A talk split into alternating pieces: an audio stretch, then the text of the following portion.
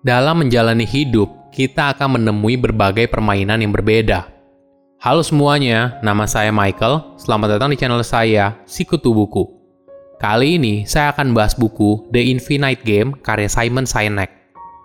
Sebelum kita mulai, buat kalian yang mau support channel ini agar terus berkarya, caranya gampang banget.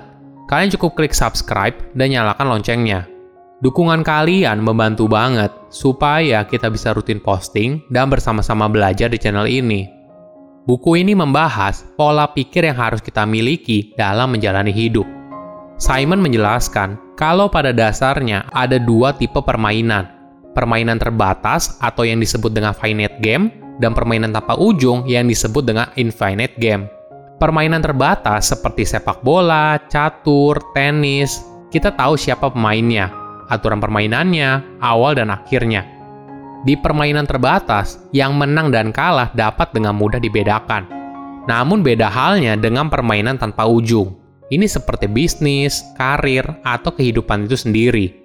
Aturan dari permainan tanpa ujung tidak secara gamblang diberitahu. Tidak ada siapa pemenang dan siapa yang kalah. Yang ada hanya yang berada di depan dan di belakang. Lalu mungkin kita bertanya, Bagaimana bisa memenangkan permainan tanpa ujung? Dalam bermain di permainan tanpa ujung, kita juga harus punya mindset yang berbeda. Simon menyebutnya infinite mindset atau pola pikir tanpa batas. Saya merangkumnya menjadi tiga hal penting dari buku ini. Pertama, memiliki mindset infinite game. Pada bulan Januari 1968, pasukan dari Vietnam Utara dan Viet Cong melakukan kampanye militer terbesar dengan Amerika Serikat. Perang ini kemudian dikenal dengan nama Perang Vietnam. Di setiap pertempuran, Amerika Serikat selalu menang, dan Vietnam Utara sering kali menderita banyak korban jiwa. Selama bulan Januari hingga Agustus, Vietnam Utara telah kehilangan lebih dari 100.000 tentaranya. Walaupun begitu, di akhir perang Amerika Serikat yang mundur.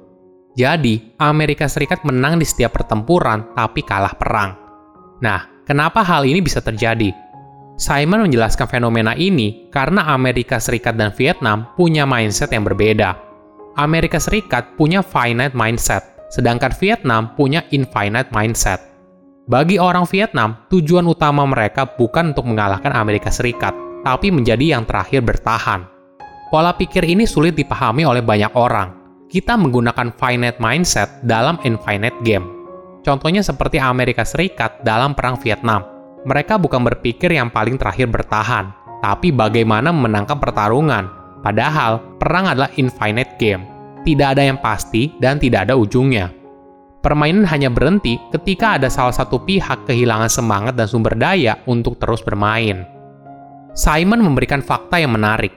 Bisnis bukan seperti permainan dengan aturan dan akhir yang jelas bisnis adalah permainan tanpa ujung, di mana sebuah organisasi harus bisa bertahan selama mungkin di dalam permainan. Oleh karena itu, Simon merasa tidak relevan apabila banyak pemimpin di perusahaan besar mengklaim dirinya adalah pemenang bisnis atau yang nomor satu. Ketika menjadi pemenang bisnis, pasti ada pihak yang kalah. Padahal semua itu tidak ada yang pasti karena merupakan bagian dari perjalanan, bukan sebuah akhir. Banyak perusahaan terlalu fokus pada keuntungan jangka pendek, triwulan depan berapa besar profitnya. Padahal, pemimpin dalam sebuah perusahaan harus melihat dalam cakrawala yang lebih jauh. Bagaimana bisnisnya bisa bertahan dalam puluhan dekade berikutnya.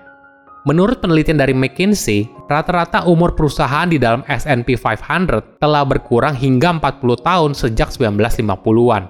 Perusahaan tersebut berumur rata-rata hanya 18 tahun. Dibandingkan dengan pada tahun 1950-an, rata-rata perusahaan tersebut berumur 61 tahun. Kedua, infinite game dalam bisnis. Ketika Apple meluncurkan iPod, Microsoft membalasnya dengan membuat Zune, produk yang mirip dengan iPod. Saat itu, Microsoft ibaratnya terobsesi dengan Apple. Namun, Apple di bawah kepemimpinan Steve Jobs pada masa itu punya infinite mindset. Apple tidak berkompetisi dengan Microsoft, tapi Apple fokus berpikir untuk masa depan. Setahun kemudian setelah Zune diluncurkan, Apple mengeluarkan smartphone dan membuat Zune dan iPod menjadi tidak relevan lagi. Inilah perbedaan orang yang punya finite mindset dan infinite mindset. Orang yang memiliki infinite mindset melihat dunia dengan kemungkinan tanpa batas.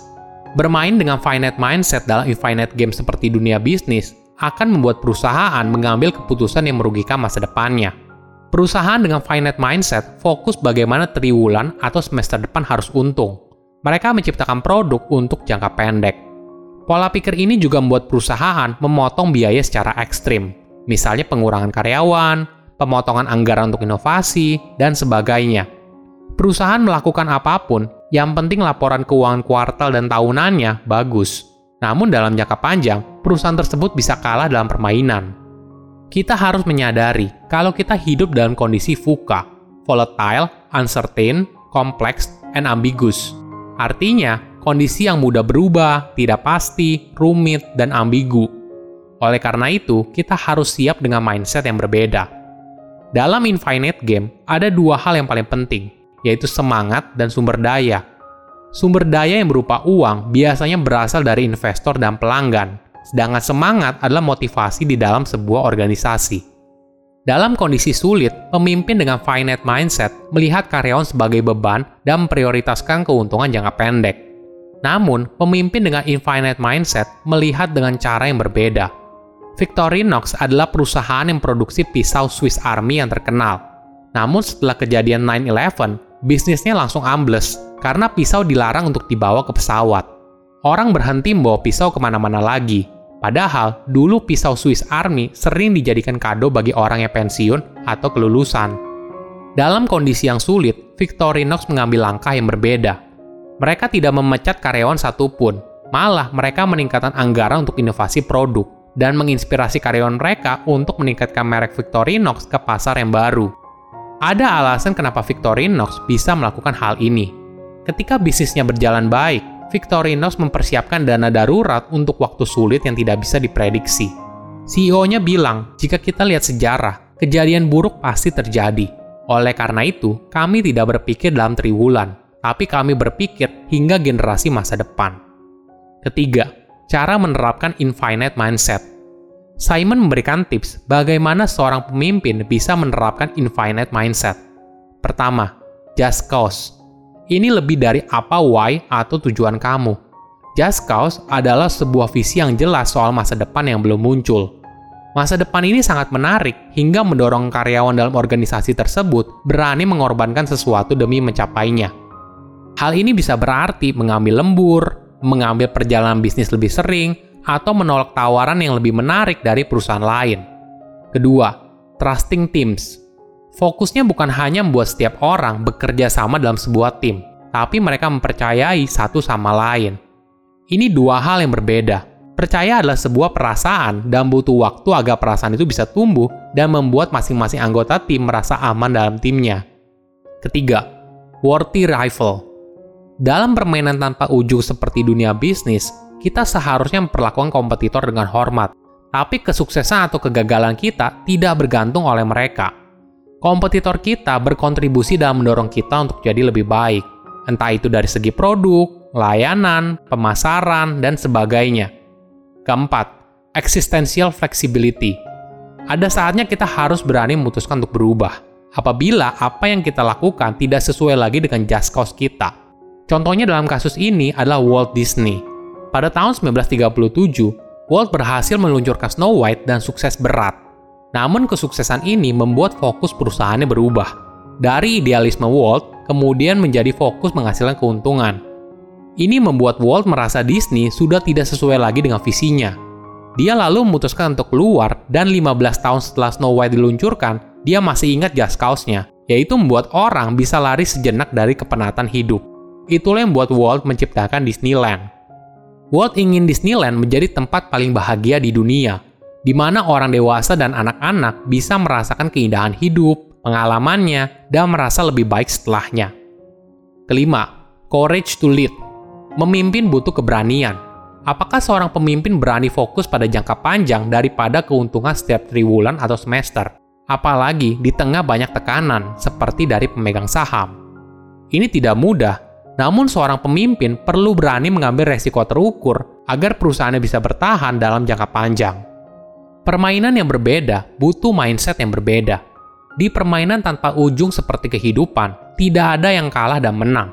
Yang ada hanyalah siapa yang di depan dan siapa yang di belakang. Silahkan komen di kolom komentar, pelajaran apa yang kalian dapat ketika baca buku ini. Selain itu, komen juga, mau buku apa lagi yang saya review di video berikutnya. Saya undur diri, jangan lupa subscribe channel YouTube Sikutu Buku. Bye-bye.